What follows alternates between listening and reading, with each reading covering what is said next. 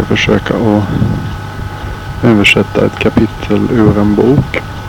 Medan jag läser det, vilket lär bli ganska intressant.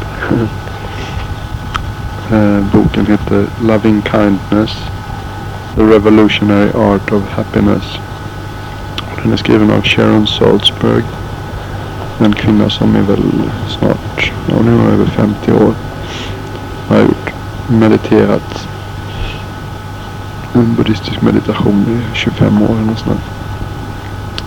En meditationslära vid IMS som är det största centret för i Amerika för den sortens meditation vi, vi sysslar med.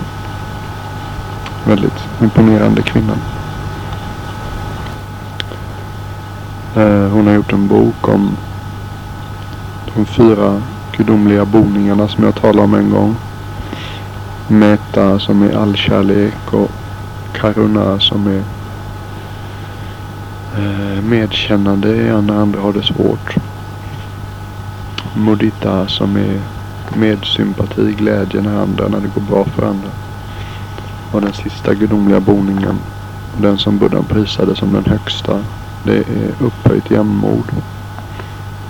Och jag talade med pappa igår och, och förstår att du har det jobbigt. Och då tänkte jag att jag kanske kan hitta något för att odla i det här kapitlet. Jag tycker mycket om det. När jag läser det så tänker jag mig att det kan finnas något där som du tycker är bra att bära med sig i livets berg och dalbana. Det kommer bli lite, jag stakar mig lite för jag kommer ju att översätta medan jag läser. Kapitel 9. Den här boken ska du, ska du köpa för övrigt. Jag har inte råd att skicka hem den och låna dig den för att jag är inte, jag har inte frimärken så det räcker. Men jag ska ge dig detaljerna sen. Eh, gåvan av upphöjt jämnmod. Och så jag började med ett litet citat från Buddhan. Alla varelser är ägare av sina handlingar. Deras glädje och sorg beror på deras handlingar. Inte på mina önskningar för dem. Så det är inte vad Buddhan önskar att folk ska ha det som avgör hur de har det. Utan det är hur de, hur de har handlat. Med kropp, tal och tanke.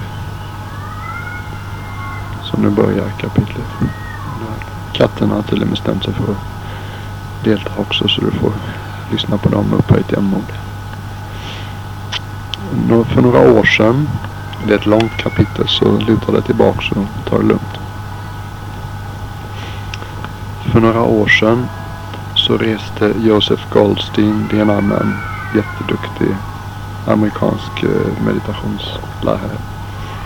Också skrivit fina böcker.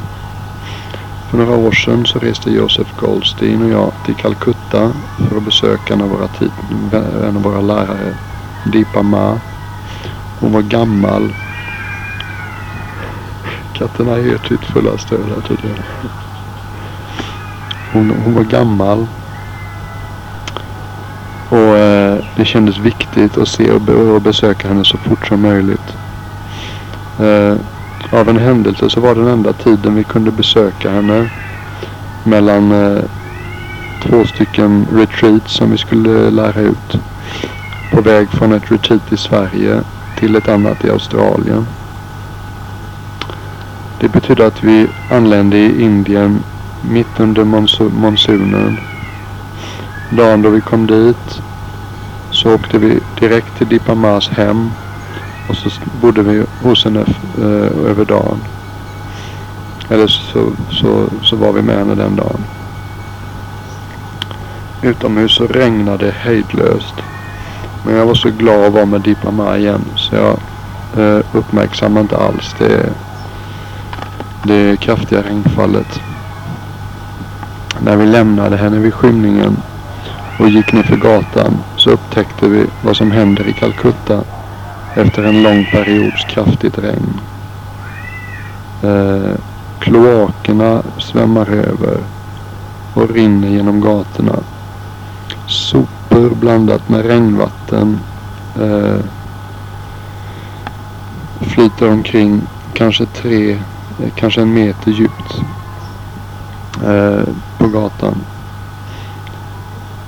Eh, vi stod på trappsteget eller på trösk, tröskeln och tittade på den extraordinära synen.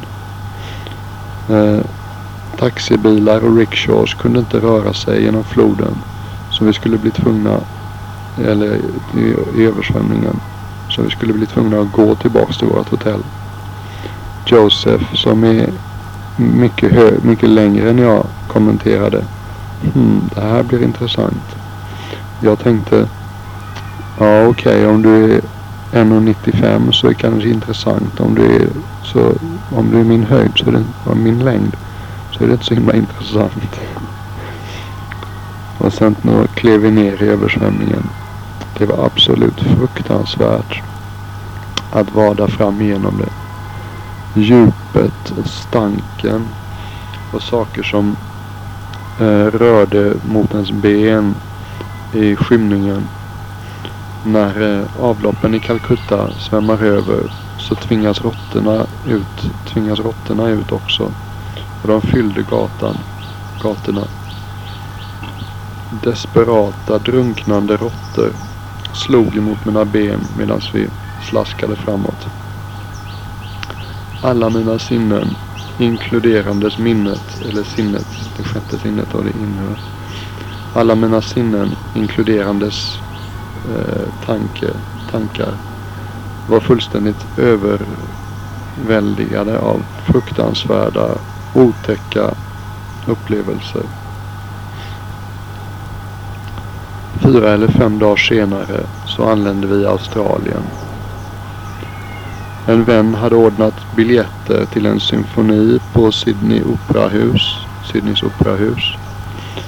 Vilket är en fantastiskt arkitektoniskt mirakel byggt precis vid hamnkanten. Före konserten så tog hon ut oss till middag på en av de här eleganta restaurangerna som ligger högt över stan och snurrar när man äter. Sydney är en väldigt vacker plats. Och vi njöt av oerhört vackra, breda vyer av Sydney medan vi smakade, medan vi åt en mängd delikata, välpresenterade rätter.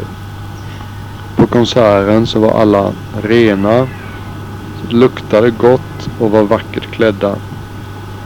När vi satt där och lyssnade till Dvorak och Brahms underbara musik och tog in njutningen genom alla, dörr, genom alla sinnesdörrarna så kom jag ihåg Calcutta. Vad hade hänt med den verkligheten?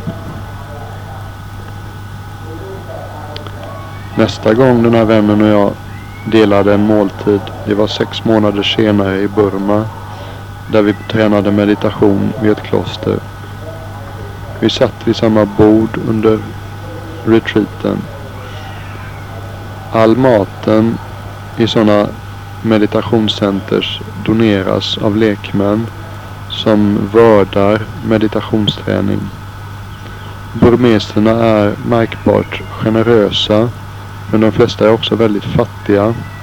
Så maten de erbjuder, även om det är det bästa som de, kan, som de har råd med, så kan den vara mycket enkel.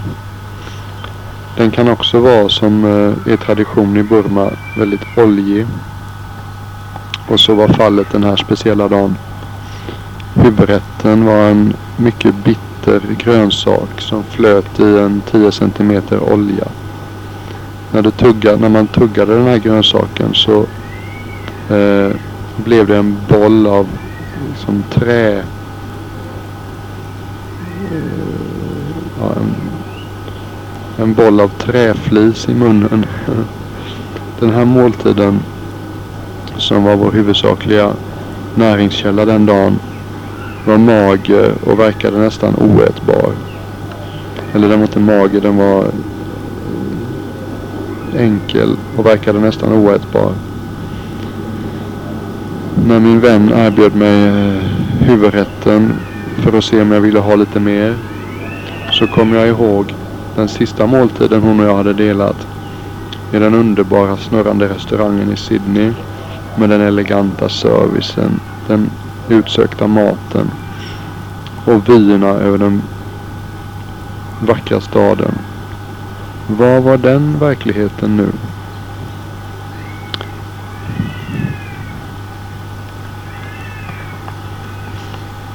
På sex månader, även på en dag eller en timma, så kan vi uppleva så många extremer av njutning och smärta. Frågan är, hur kan ett mänskligt hjärta, mitt hjärta eller ditt hjärta, absorbera, ta emot den här pågående oavbrutna kontrasterna i livet utan att känna sig splittrat och tänka att det här klarar jag inte. Eh,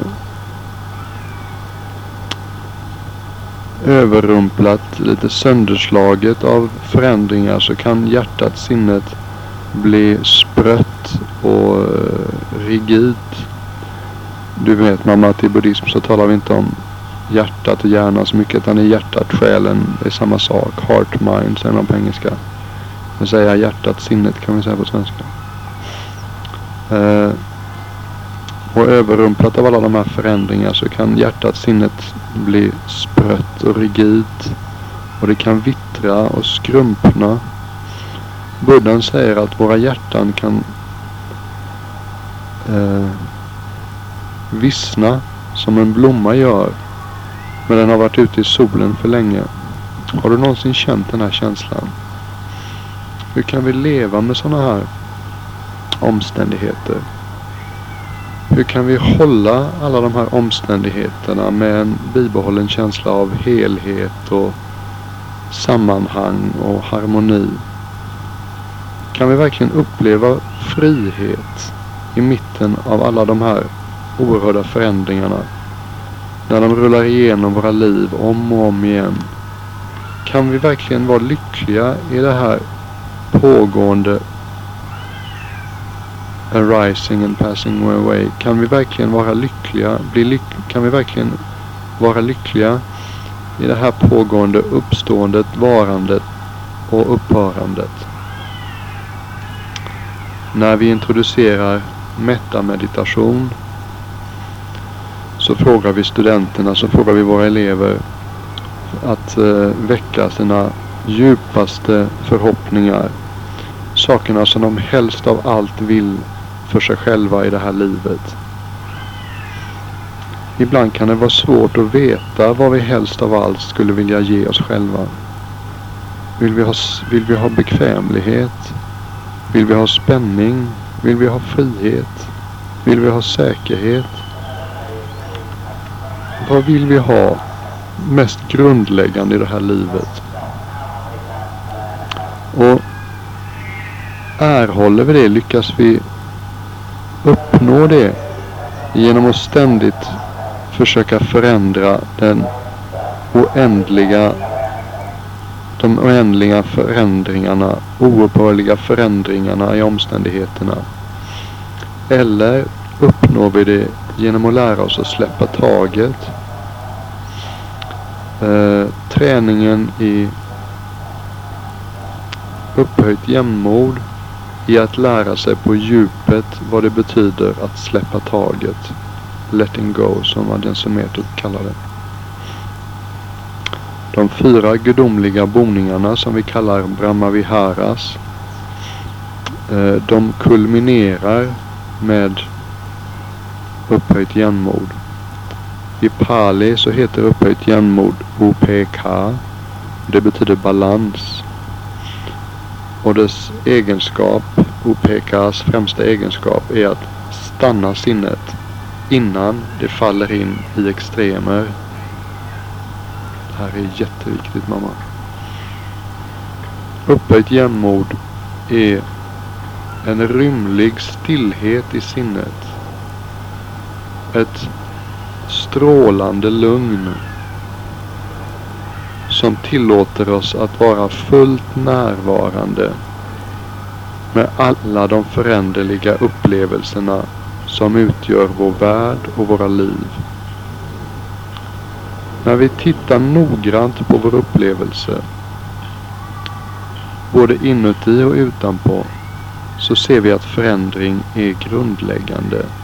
Det är grundläggande för hela den levande världen. Utanför oss själva, externt, så ser vi de föränderliga rytmerna av fotosyntes och plantorna som andas, växterna som andas. Inuti oss själva så ser vi rytmen av vår egen biokemi. Allting rör sig. Som de där katterna till exempel. Allting rör sig, vibrerar, pulserar i rytm. De här förändringarna de hittar vi också i planetens rytmer.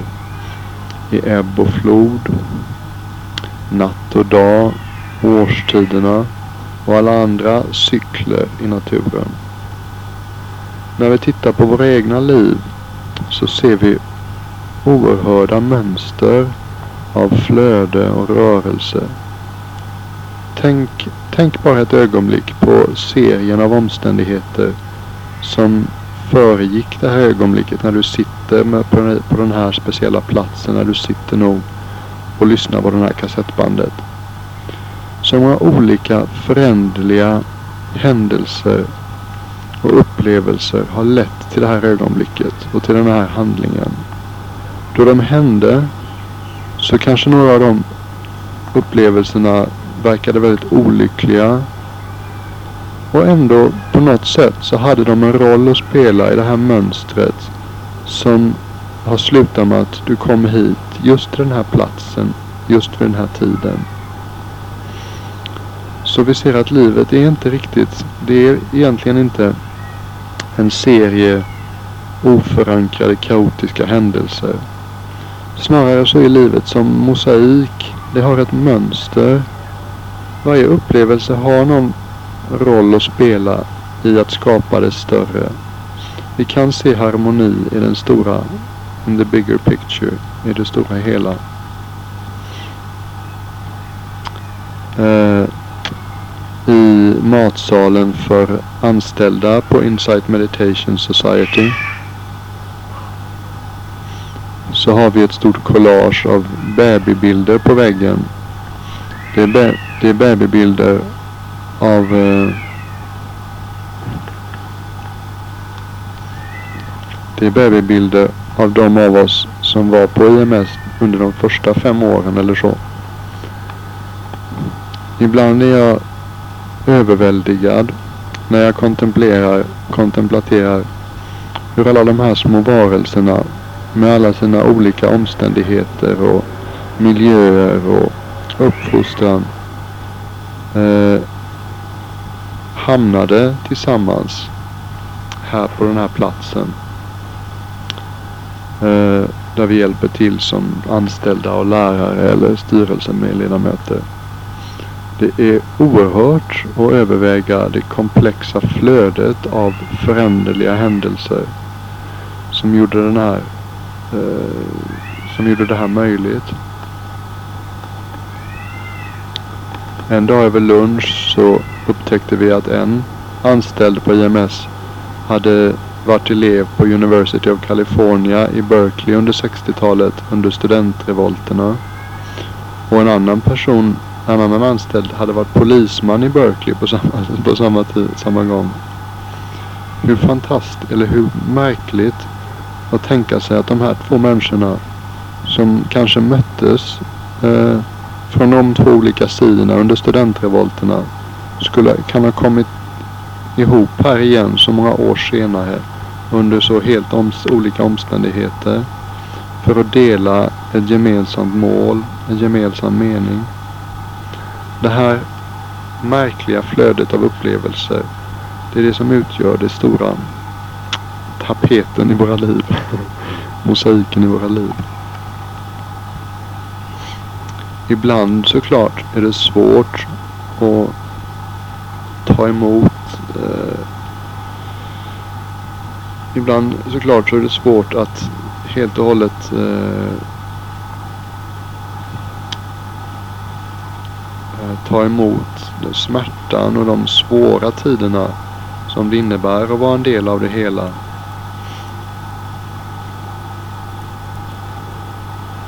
och som det innebär att vara en del av hårda, svåra upplevelser.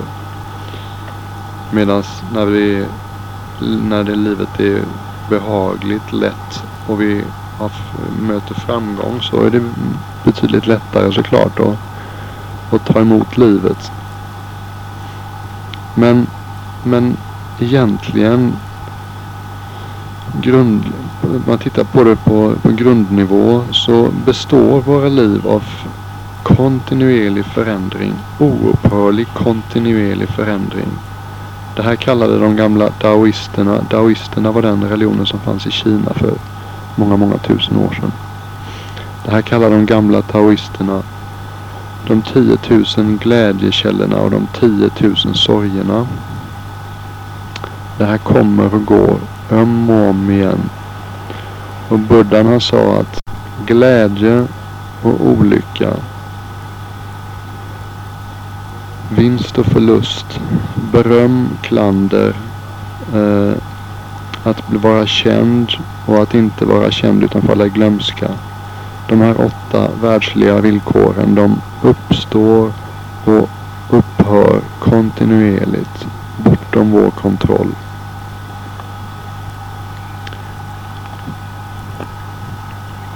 En av mina vänner som leder meditationsretreats. Han, eh, eh, han följer den asiatiska, den asiatiska eh, traditionen precis som jag gör. Att buga sig till buddha-statyn när han kommer in i meditationshallen i början av eh, meditationspasset. En gång när han hade suttit med en grupp så berättade han för mig att han, han fick två lappar från elever som hade varit i meditationshallen med honom. Och på ena lappen så stod det ja, Jag såg att du, buddade, att, du, att du bugade dig till buddhan. Och jag eh, kände mig verkligen eh, Jag kände mig verkligen förolämpad. Det är verkligen eh, superstitious. Eh, Det är verkligen vidskepligt och det, har, det är helt malplacerat. Du borde sluta och buga dig för buddha-statyn. Och på den andra lappen så stod det, så stod det ja, jag såg att du, buddha, att du bugade dig till buddhan. Och jag vill att du ska veta att det var den mest rörande saken som, jag någon, som någonsin har hänt mig. Det verkligen förändrade hela min retreat. Och jag är så tacksam att du gjorde det. Det är precis så det är. Vi handlar förhoppningsvis med de bästa intentionerna vi kan finna inuti oss. Och ibland så möter vi beröm och ibland så möter vi klander. Det finns en berättelse i Buddhas lära som illustrerar den här punkten väl. En dag så besökte en man Buddhas kloster och ville ha information om Buddhas lära. Första munken han mötte var i djup meditation. Tyst, svarade han inte när mannen talade till honom. Besökaren blev mycket upprörd och gav sig av ilsket ifrån klostret. Nästa dag kom han tillbaks. Mötte en lärd skolastiker som svarade på hans frågor om Buddhas lära med, ett långt detalj, med en lång detaljerad föreläsning. Och igen blev mannen jättearg och begav sig ilsket av ifrån klostret igen. Och han kom tillbaks igen nästa dag och då mötte han Ananda, en av Buddhas nära lärjungar. Ananda hade hört vad som hade hänt första dagen när munken inte sa någonting alls och vad som hade hänt andra dagen när munken svarade väldigt, väldigt långrandigt. Så han var mycket försiktig att ge bara en lagom lång föreläsning. Någonting, men inte, så, men inte väldigt, väldigt långt. Tro det eller ej, men besökaren blev jättearg en gång till. Han sa till en andra hur vågar du behandla så här viktiga saker på ett så på ett så eh, över på ett så ö, sammanfattande och summariskt vis. och en tredje gång så försvann besökaren ilsket ifrån klostret. När munkarna närmade sig buddhan och beskrev vad som hade hänt vid dessa här tre tillfällena så svarade buddhan vist. Det finns alltid klander i den här världen. Om du säger för mycket så kommer vissa att klandra dig. Om du säger lite grann så kommer vissa att klandra dig. Om du inte säger någonting alls då kommer vissa att klandra dig. Det här är livets natur. Ingen i den här världen upplever bara glädje eller bara sorg. Ingen upplever bara vinst eller bara förlust. När vi öppnar oss till den här sanningen så upptäcker vi att vi behöver inte dra till oss eller, eller eh, skjuta ifrån oss. Istället för att försöka kontrollera det som inte kan kontrolleras så kan vi hitta en känsla av säkerhet och trygghet i att vara förmögna i att, ja, att vara förmögna att möta vad som, vad som händer. I att, eh, i att skapa en förmåga att eh, möta vad som faktiskt händer. Det här tillåter för livets mysterier. Inte fördöma men snarare utveckla en balans i sinnet som kan ta emot vad som händer oavsett vad det är. Den här acceptansen det är källan till vår säkerhet och till vår eh, till vårt självförtroende. Det var det här jag skojade med dem. Jag sa att det är stort in hos mig. Jag har plats för det här. Mm, fortsätter vi. När vi känner oss olyckliga eller när vi känner sorg. Så är det inte ett tecken på att någonting har gått hemskt fel. Eller att vi har gjort någonting fel. Genom att inte kunna kontrollera våra omständigheter. Smärta och glädje det kommer konstant och går konstant. Vi kan vara lyckliga ändå. När vi tillåter för mysteriet så kan vi upptäcka att mitt i hjärtat, mitt i en väldigt svår situation, mitt i en väldigt smärtsam situation så finns det frihet. I de här ögonblicken när vi, upp, när vi förstår hur mycket det finns som vi inte kan kontrollera, då kan vi, då kan vi lära oss att släppa taget. Åh, det här är viktiga grejer mamma. Det här, det här har du mycket nytta av om du använder det. Och just när du förstår att det här går inte att kontrollera hur man än gör. Det är egentligen den starkaste motivationen till att säga till sig själv att nej, det här måste jag släppa taget om. Här är damma speciellt för kvinnor. Kvinnor är speciellt dåliga på det här. Okej, jag fortsätter. När vi börjar förstå det här så växlar vi från eh, ett sätt att vara där vi försöker att få kontrollera och försöker kontrollera allt som kommer in i våra liv till ett sätt att vara där vi helt enkelt eh, bara önskar och verkligen, verkligen, verkligen uppleva det som är. Det här är ett radikalt skifte i världsperspektiv, i världsbild. Jag hoppas du förstår det. Eh, normalt så lever vi med en, eh, en nivå av förnekelse som, eh, som bedövar oss. Normally we live with a level of denial that deadens us. Deadens us, det kanske inte bedövar exakt men det är liksom verkligen tar död på oss sakta men säkert. En vän berättade en gång den följande historia. Hans pappa var, ett ung, var en ung pojke eh, som åkte med sin egen pappa i en bil den 7 december 1941. Ett plötsligt meddelande kom över bilstereon, bilradion. Japaneserna, japanerna har, eh, har eh, attackerat Pearl Harbor. Har överfallit Pearl Harbor. Ögonblickligen så lutade sig min farfar över och sa, och sa med brådska till sin son. Säg ingenting till mamma. Det var så länge sedan jag läste det här så det är nytt för mig också. Säg ingenting till mamma. När jag hörde det här så tänkte jag. Aha. Aha, han kanske hoppades att hon inte skulle märka av andra världskriget. När vi definierar fler och fler upplevelser som oacceptabla att känna eller oacceptabla att veta av så blir livet mindre och mindre. Livet blir väldigt begränsat. När vi blir, när vi blir villiga att uppleva allting så kommer det ett självförtroende och en säkerhet som vi en gång sökte genom att försöka förneka förändringen.